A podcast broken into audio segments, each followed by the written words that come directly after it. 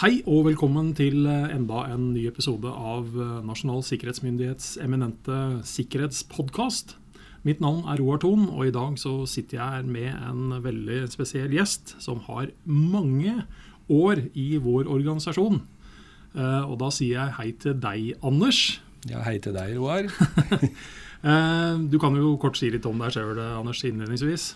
Ja, jeg eh, har, som du sier, vært eh, lenge i eh, tjenesten. Jeg har jobbet her i NSM siden 2003, da Ja. direktoratet ble opprettet. Mm. Og tidligere før det i Sikkerhetsstaben i Forsvarets overkommando fra Ja. 1991 i ulike stillinger. Eh, Og egentlig så har jeg jobbet med sikkerhetstjeneste i Forsvaret helt siden eh, 1980, da Ja. jeg begynte som vernepliktig. Og startet å arbeide med krypto i Snakk om Forsvaret. å da, har du, da har du liksom staka ut eh, karrieren, så kan jo folk begynne å beregne sånn tilbake og framover i forhold til hvor, hvor vi er da. Men eh, da slår du meg med en del år, altså, du må si det. Men, men det er jo da en eh, ikke uten grunn til at vi da har invitert deg til å komme og snakke om noe som er både interessant og viktig. Og det er kort og godt historie. Fordi mange sier at hvis man ikke kjenner sin egen historie, så greier man heller ikke å kanskje se like godt inn i framtida. Veldig godt eh, poeng, Roar. Ja. Ehm, så det er også planen nå at vi skal snakke litt om ikke bare NSMs historie, men tilblivelseshistorien til egentlig det vi kan si er en slags eh, altså, nasjonal sikkerhetstjeneste. Ehm, og ja, hvor skal vi starte hen da? For dette, dette går egentlig dette går langt tilbake. Altså Det går jo veldig langt tilbake. Hvis du vil starte helt med begynnelsen, så er det jo mange som sier at eh, etterretningstjeneste det er verdens nest eldste yrke. Og da er sikkerhetstjeneste altså verdens tredje eldste yrke. Ja. Ja, jeg, Eh, jeg, jeg, jeg eh, protesterer noen gang på den, ja, for jeg påstår det at det var altså en etterretningsoffiser for å kalle det det, som leide den første prostituerte. Sånn at etterretning er det første yrket. Okay. Men da kommer vi kanskje på tredjeplassen, da. Ja, vi får si det sånn. Vi får si det Ja. sånn. Eh, Så, så? Altså, siden tidenes morgen så har vi alltid vært interessert i å få vite mer om hverandre av ulike grunner. Eh, Og så er det også noen som har hatt som oppgave å motvirke at man får vite alt man ønsker å få vite. Nettopp. Og så er det jo nyere tid at vi liksom kanskje har fått mer sånn organiserte former Ja. på hvordan man gjør dette. Ja, da. nettopp. Og der er vel Norge egentlig et eh, Kan jo være et godt eksempel på det. Ja. Eh, disse tjenestene de henger ofte sammen med konflikt. eh, sikkerhetspolitisk konflikt. Mhm. Eh, de henger også sammen med hvilken posisjon man har i verden. Mhm. Og som du vet også, så var jo Norge lenge ikke et eget land. Ja. Og det fikk nok også konsekvenser for dette området. Mm. Vi hadde rett og slett ikke behov for en nasjonal tilnærming til eh, verken etterretning og sikkerhet, Nei. for vi var styrt fra andre steder i, eh, i Skandinavia. Så, sånn sett kan man godt si at eh, hvis man virkelig skulle ha satt seg enda mer inn i historien, så vil vi finne en slags altså under, ikke, ikke under nasjonal kontroll, men allikevel en slags organisatorisk forløper til at våre de som, de som eide oss, for å si det sånn, hadde sine tjenester. De vi har litt lenger til, til å gå tilbake i tid. De hadde sine tjenester, Ja. og eh, noen ganger så spiller dette over på norsk territorium. Når, Mm. eh, når f.eks. Danmark-Norge var i konflikt, enten med Sverige eller med England eller med hvem det var, eh, så, kunne man, så kan man finne eksempler i kildematerialet på at man, eh, man drev en form for eh, sikkerhet og etterretning, også Ja. med utgangspunkt i Norge. Ja. For det må jo sannsynligvis tenkes at i f.eks. rundt 1905 så var det ganske mye interessant informasjon man ønsket å få tak i og vite om. Det er klart, og 1905 da våknet jo Norge opp som en eh, selvstendig nasjon. eh, En fullstendig selvstendig nasjon. Eh, og da så vi jo fort at vi hadde behov for, for både etterretning og sikkerhet. Men det var kanskje først under første verdenskrig Mm. at man fikk dette inn i noe mer godt organiserte former. Ja, hvordan, hvordan skjer da? Altså, da snakker vi jo da perioden 1914 til sånn 1918. Eh, da får man da formelle organisasjoner som begynner å jobbe med dette her? Eller? Da ser man vel spor av at, eh, at eh, i forsvarsstrukturen f.eks., for i generalstaben og i admiralstaben, så etablerer man etterretningsfunksjoner Ja. som også har sikkerhetsoppgaver. Mm. Eh, og på politisiden så etablerer man et såkalt oppdagelsespoliti eh, med utgangspunkt i eh, politiet i, Kristiania, som det jo het den gangen. Oppdagelsespoliti, da, får, da er jeg over på fiksjonens verden og tenker Knut Gribb med en eneste gang. Ja, men, men det var mer sånn rent kriminelle aktiviteter man var ute etter da. Men dette oppdagelsespolitiet det hadde også i oppgave å oppspore spioner. Da. For Norge var jo en nøytral, et nøytralt land eh, under første verdenskrig, og vi kunne jo risikere å bli et krigførende land. Ja. eh, altså bli trukket inn i konflikten. Eh, men allerede som et nøytralt land så var vi jo interessant for de krigførende partene. Ja, ja. Fordi vi hadde en stor eh, handelsflåte Mm. annet, og den var de interesserte å følge med på. Men bare for å si det, når du tar fram dette med oppdagelsespoliti, så snakker vi da, da snakker vi i realiteten det man kaller kontraetterretning. Og så bruker vi begrepet etterretning. Og så bruker vi da begrepet sikkerhetstjeneste, altså en slags forebyggende sikkerhetstjeneste, som hvor det ligger mye. Men, men det er jo der vi befinner oss. ikke sant? Så Det er der vi ja. befinner oss, ja, Ja. på den defensive siden, Ja. altså med beskyttelsestiltak. Defensive beskyttelsestiltak. Mens eh, kontraetterretning er jo da de mer offensive beskyttelsestiltak, som går ut på å rett og slett eh, oppdage eh, aktivitet Mm. eh, mot oss. Ja. Men, men i den første verdenskrigsperioden fikk man noe, var det noen regulativer? altså Var, vi, var, det, var det noen lover der som, som gjorde at dette faktisk eh, Ja, det ble, skje Ja, det ble faktisk bygget opp eh, et helt system under, under første verdenskrig. Eh, det ble bl.a. gitt en lov om forsvarshemmeligheter, som da skulle supplere den straffeloven, mm. Som jo var den generelle loven mot uh, spionasje. Men altså på forsvarssiden så etablerte man en spesiallov Ja. knytta til uh, forsvarshemmeligheter. Mm. Um, og den uh, for så vidt, har for så vidt vært levende Ja, helt opp til ja, våre dager. Det, ja, det er jo ikke Eh, ukjent lov for oss. Nei. Så, men her var det jo liksom, Du kan tenke seg gammeldags altså gammeldags, det er jo, All informasjon kan være verdi, men alt fra da eh, holdt å si, kart og masse forskjellige Det var ja. kart og noe så spennende som krokier, som kanskje ikke alle vet hva er. Men det er- er, det er jo en eh, militær eh, måte å fremstille terrenget på. Eh, som da var viktig å, å, å skjerme. Og så var det jo dette med, dette med eh, innløp og fjorder Ja. og, og den type ting. Og, Fortsatt og, ting som eh, egentlig er aktuelle den dag i dag. ja, Ja. og som da ville gi en, eh, en, eh, en spion eh, tilgang til, til viktig informasjon da, som Ja. kunne Mm. brukes i et krigstilfelle. Men Norge holder seg nøytralt under første verdenskrig. Eh, og så kommer jo da det vi kan si er mellomkrigstida. Og hva Bygger man da videre på dette her, eller hva skjer da? Det skjedde jo noe spennende helt på slutten av eh, første verdenskrig, og det var jo revolusjonen i, eh, i Russland. Ja. Eh, og da fikk vi eh, Sovjetunionen. Mm. Eh, det som ble omtalt som bolsjevikene av, av, eh, her hjemme ofte.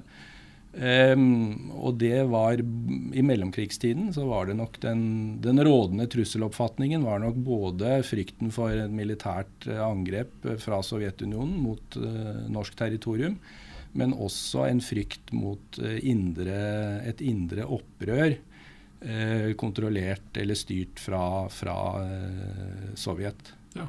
Uh, og dette preget nok arbeidet både i generalstaben og admiralstaben, og det, som, og det lille som uh, gjorde, ble gjort på dette området i Mm. politiet.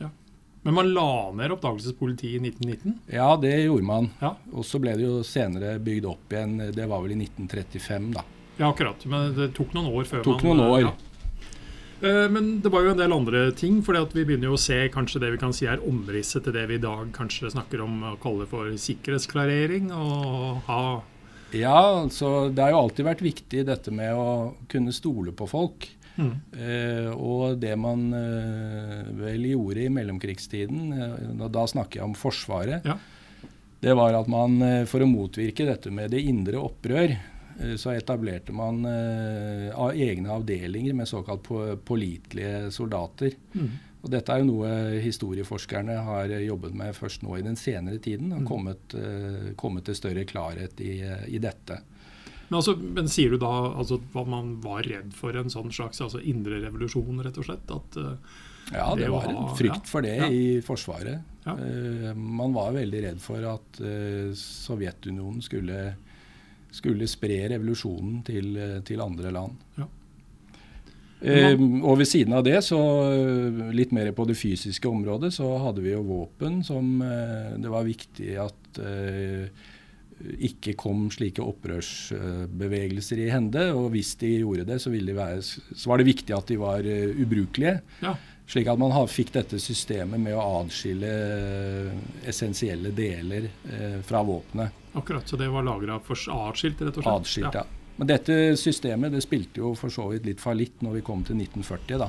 Og ja. hvor uh, trusselen ble en helt annen, ja. nemlig en, en invasjon eh, fra en fremmed makt.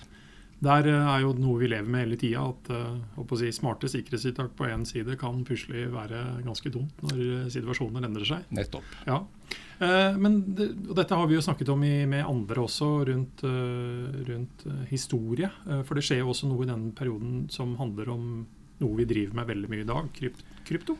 Ja, det stemmer. Og um, det var uh, interesserte offiserer i uh, generalstaben som, uh, som egentlig brakte opp dette med krypto og brakte det videre. Man startet et, et, samarbeid, så vidt vi kan se av dokumentene, også med Utenriksdepartementet og Justisdepartementet. Og her ser vi litt, en litt sånn kime til til en sektorovergripende tilnærming. Altså at de ulike sektorene i samfunnet de går rett og slett sammen eh, om å eh, utvikle og ta i bruk sikkerhetstiltak. Ja. Og krypto er altså et veldig tidlig eksempel på det. Eh, og dette var, eh, dette var på 30-tallet ja. um, at man eh, startet den utviklingen. Mm. Og så har du jo allerede vært inne på det, fordi det skjer jo ting i 1940 som har preget ja preget samfunnet vårt uh, i stor grad. Uh, og da bryter også andre verdenskrig løs, i hvert fall for Norge sin del. Den starter jo før det. Uh, hva skjer da med etterretning og sikkerhetstjenestene? Ja, da bryter på en måte system, litt systemet sammen i Norge. da, og, og Det etableres jo eksilmiljøer i London, mm. og også et visst miljø i Stockholm, altså i Sverige. Ja. Um, og eh, med disse to utgangspunktene så bygger man da opp uh, de nye etterretnings- og sikkerhetsfunksjonene. Mm. Um, for sikkerhetstjenestens del så er nok nærheten til britene veldig viktig. Man lærer mye av britene om deres tilnærming til security. Mm.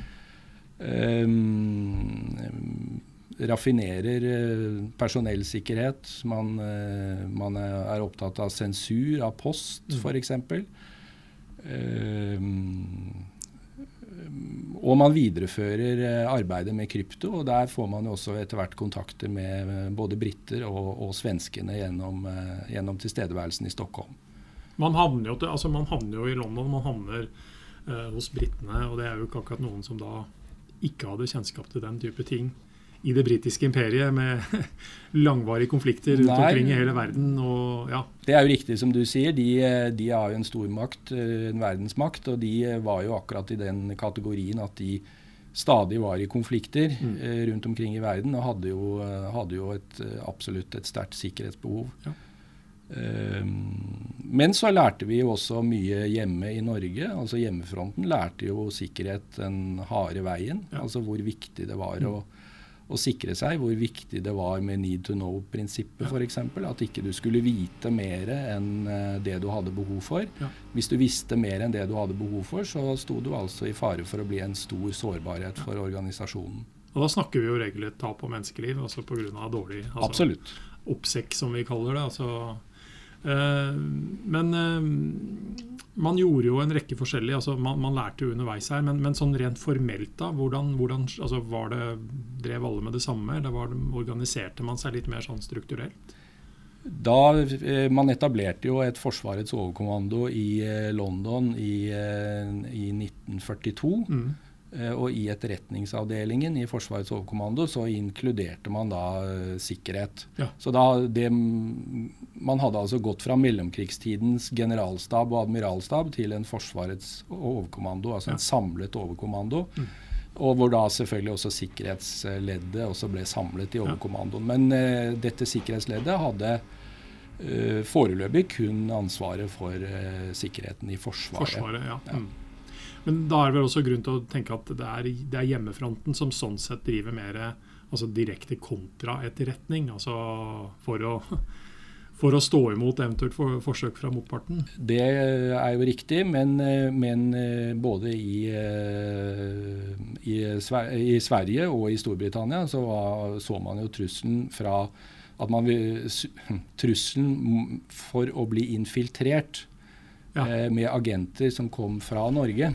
Så for å si det sånn, Som utgir seg for å være gode nordmenn som ja, kom over for nettopp. å ja, Og det var jo faktisk flere ja. sånne. Mm. Og, de jo, og, en del av de ble jo faktisk tatt. Ja. Uh, og det skjedde jo da gjennom grundige avhør i, på disse mottakssentrene som eksisterte i Storbritannia og i Sverige. Mm. Så det var rutiner der òg, ja. Mm. Men uh, så kommer vi til 1945. Eh, hva gjør man da? Gjør man det samme som man gjorde etter første verdenskrig? Og avslutta det hele, eller? Eh? Det ble nok redusert. altså Dette krigsapparatet, som var ganske stort eh, på slutten, det ble jo ganske raskt nedbygget. da, Men funksjonene forsvant ikke helt. Nei, Så det rent organisatoriske, de, det besto. Det besto ja. eh, og eh, sikkerhetsapparatet, f.eks. For i Forsvarets overkommando, eh, som da var en del av etterretningstjenesten det fikk en viktig oppgave knyttet til eh, avhør av tyske krigsfanger i Norge. Eh, I tillegg så var eh, dette apparatet involvert i dette med kartleggingen av befalets holdning i 1940. Ja. Altså under felttoget i 1940. Hvem mm. var det som kjempet, og hvem var det som sviktet? Eh, og hva gjorde befalet senere under krigen? Altså det ja. befalet som var igjen i Norge. Så de som til en viss grad muligens skulle gjeninntre, ble på mange måter undersøkt? De ble screenet, ja. som det, man kalte det, ja. etter britisk, dette britisk ord, da, engelsk ord. Um, de skulle da screenes før de kunne gå inn, uh, tre inn igjen i det militære forsvar. Mm. Men uh, du var jo inne på det at uh, man fikk på å si en ny ytre og indre fiende eh, etter første verdenskrig. Og man videreførte jo den ganske fort etter andre verdenskrig med bekymringer knytta til da Sovjetunionen og Ja, etter en kort uh, periode hvor, uh, hvor, man vel hadde behov for å feire de allierte man hadde slåss sammen med under krigen, så, så fikk man jo konturene av et, et Sovjetunionen som ikke var Som man ikke oppfattet som fredelig. Uh, og man kom jo raskt i den situasjonen at, uh, at man uh, At de ble faktisk igjen den såkalte fienden. Ja. Og da ender man jo til syvende og sist opp i deler av verden for å etablere da Nato. Det stemmer. Som Norge, Norge, blir medlem av? Norge gikk jo inn i Nato som, som en av ja. grunnleggerne av Nato i 1949. Ja. Og da må man jo forvente at man også tar sikkerheten på alvor? Ja, det ble jo forventet fra Nato. Ja. Og eh, allerede et par år etter, altså i 1951, så sendte Nato ut eh, noen inspektører eh, til Norge for å kontrollere sikkerheten. Og resultatet var nok svakt. Mm. Eh, for eh, regjeringen så seg nødt til å da etablere eh, den første såkalte sikkerhetsinstruksen. I 1953 kom den. Ja. Og den regulerte da hemmeligholdet, eller informasjonssikkerheten, som vi ville sagt. Mm. For både nasjonale hemmeligheter og de hemmelighetene som vi da skulle håndtere på vegne av Nato i Norge. Så da, da kommer det rett og slett noe som også er sektorovergripende? Da er det plutselig ikke bare Forsvaret Da er det ikke bare Forsvaret, da er det hele samfunnet. og samfunnet som sådan. Ja. Og det er, det er, helt korrekt. Vi fikk jo en, eh, et sterkt fokus på totalforsvar. Vi er jo et lite land, så ja. vi er jo nødt til å, å samle alle ressurser eh, i, i forsvarskampen. Eh, og forberedelsene av denne. Og um, vi hadde en kommisjon i 1946 som ble ledet av Trygve Bratteli, som faktisk ja. uh, konkretiserte hva dette totalforsvaret skulle være. Så at sikkerhetsinstruksen måtte gjelde både for militær side og sivil side, det ga seg på mange måter selv. Mm. Men da var det fortsatt sånn at de som jobbet med sikkerhet da, i altså Forsvarets overkommando, de skulle da også begynne å pirke borti den sivile delen av samfunnet knytta til dette her? Det stemmer. Da fikk man eh, en litt spesialkonstruksjon. Man etablerte en egen funksjon som ble kalt Sikkerhetsinspektøren. Jaha. Eh, og han skulle følge opp eh, sikkerhetsarbeidet på sivil side. Men for å skape synergi og utnytte ressursene best mulig, så plasserte man sikkerhetsinspektøren i Forsvarets overkommando og Etterretningstjenesten. Var det, en, var det en militær stilling, eller var det Det var en militær som Ja, besatt ja. den stillingen. Mm. Og han kom fra dette sikkerhetsmiljøet. ja. Ja. Mm. Så eh, der ser man liksom den første I tillegg til dette kryptoinitiativet på 30-tallet, som jo var sektorovergripende, så Mm. fikk man jo her det første liksom, eh, re, regulære sektorovergripende Mm. tilnærmingen. da. Man, eh, som, som alltid i dette yrket, holdt jeg på å si, fra tidenes morgen, så har man jo alltid hatt, eh, jeg som man sier, eh, grensedragninger mellom hva som er hva. Hva er etterretning, hva er sikkerhetstjeneste, hva skal de gjøre som driver kontraetterretning, forfølge dette rettslig osv. Eh, det kommer jo også vel en eller annen slags samarbeidsinstruks opp imot mellom politiet og Forsvaret på dette området her òg. Ja, for det var jo helt nødvendig å ha avklarte forhold mellom, eh, mellom dette defensive, forebyggende arbeidet og Ja. det mer offensive arbeidet. Hvem gjør Og, hva? og hvem gjør hva? Og det er politiet som er i førersetet på det offensive arbeidet. Mm. Uh, og det var viktig å klargjøre. da. Så vi, det er riktig, vi fikk en instruks i 1955 som regulerte samarbeidet mellom politiet og Forsvaret. Men også her er det, jo, er det jo også noen sånne områder. fordi Vi er fortsatt da i en situasjon hvor vi da har, altså, vi har politiet på sin side, som har sine oppgaver. Og så har vi da etterretning og sikkerhetsdelen, altså, som er i den samme altså Det er én og samme organisasjon, med også ganske vidt forskjellige oppgaver på hva man altså driver med. da. Ja. Eh, og eh, det er klart at det ble jo kan jo oppstå gråsoner Ja. mellom disse tjenestene. Eh, og det kunne oppstå rivalisering. Ja. Eh, og eh, perioden fra 1953 og utover, den var jo ikke helt eh, fri for eh, den type rivalisering. Kanskje særlig da mellom E-tjenesten, som da hadde et sikkerhetsansvar, Mm. Og eh, Politiets overvåkingstjeneste. Ja. Fordi da kommer vi over i 60-tallet, og da, da smeller det litt rett og slett på noe som er skrevet både bøker og andre ting om i, i opp og ned i mente. Det stemmer, det. Eh, for da er vi over i jeg håper å si, Skal man kalle det Er det, liksom, er det en tjenestekonflikt? Er det en, er det en personkonflikt, altså nærmest? Altså, her har man vel vært eh, ja, Litt av begge deler. varierende meninger. Ja. Litt av begge deler, og man eh, får eh, saker i andre land. spionasjesaker i andre land som påpeker eller får en til å se med nye øyne på hvordan vi har organisert dette i Norge. Ja.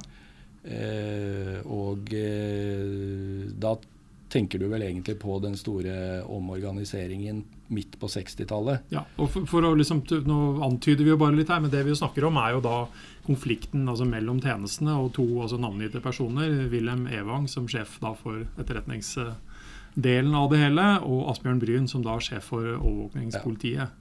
Og dette var jo to sterke personligheter. Personligheter, ja. men eh, årsaken til problemene ligger vel kanskje andre steder. Mm.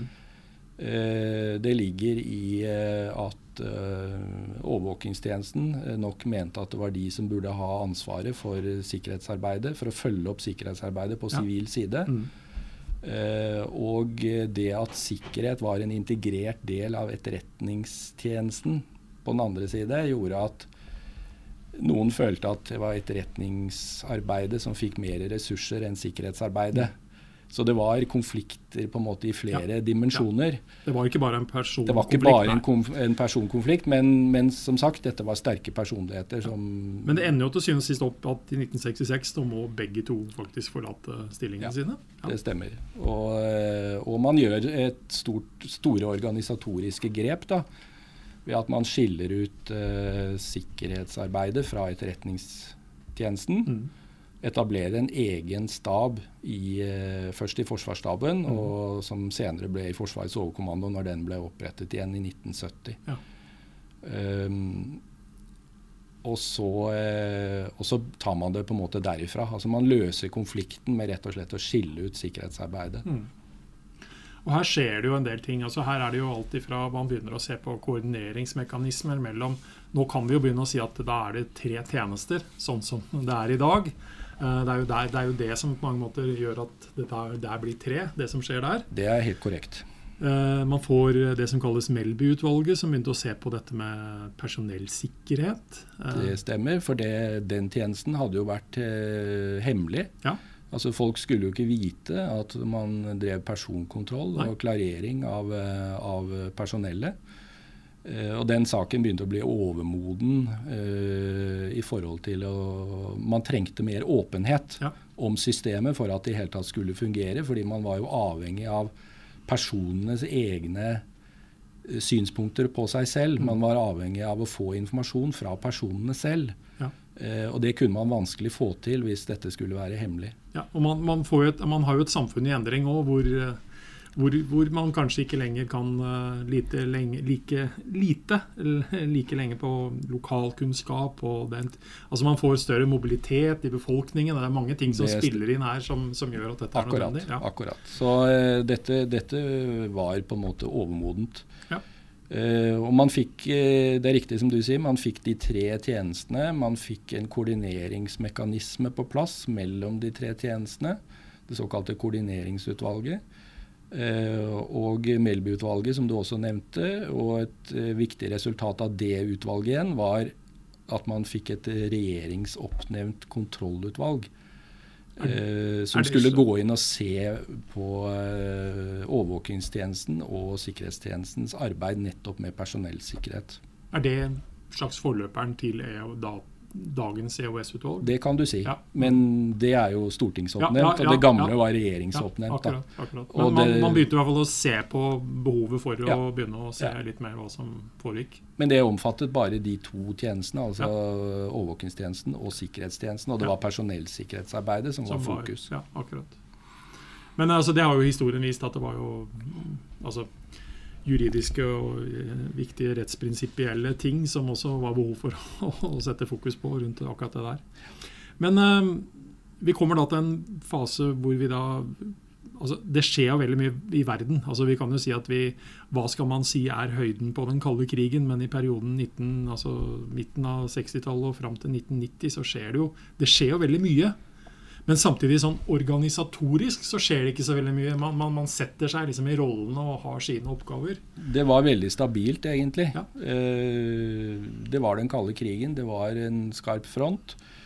Eh, stabilt med ytre og indre fiender. Eh, man opplevde jo også at det var indre fiender. Man var, Ja. fryktet jo selvfølgelig at noen i en konfliktsituasjon skulle løpe motstanderens ærend, som Ja, det heter. ja. Eh, Men det var samtidig også arbeidsro da, og tid til faglig konsolidering. Mm. Eh, Og det skjedde mye på den teknologiske fronten i Ja. disse årene. Så sikkerhetsarbeidet utviklet seg veldig. da. Mm, mm. Særlig inn, innenfor informasjonstekniske området, eh, vil jeg si. Men eh, da tror jeg vi, Anders, eh, vi, vi eh, setter en strek for denne tidsperioden. Og så kommer vi tilbake i neste episode, og da skal vi snakke om det som skjer når sånn sett vi går mot slutten av den kalde krigen, muren faller, og hva skjer framover da. Så følg med på neste episode, og så sier vi takk for oss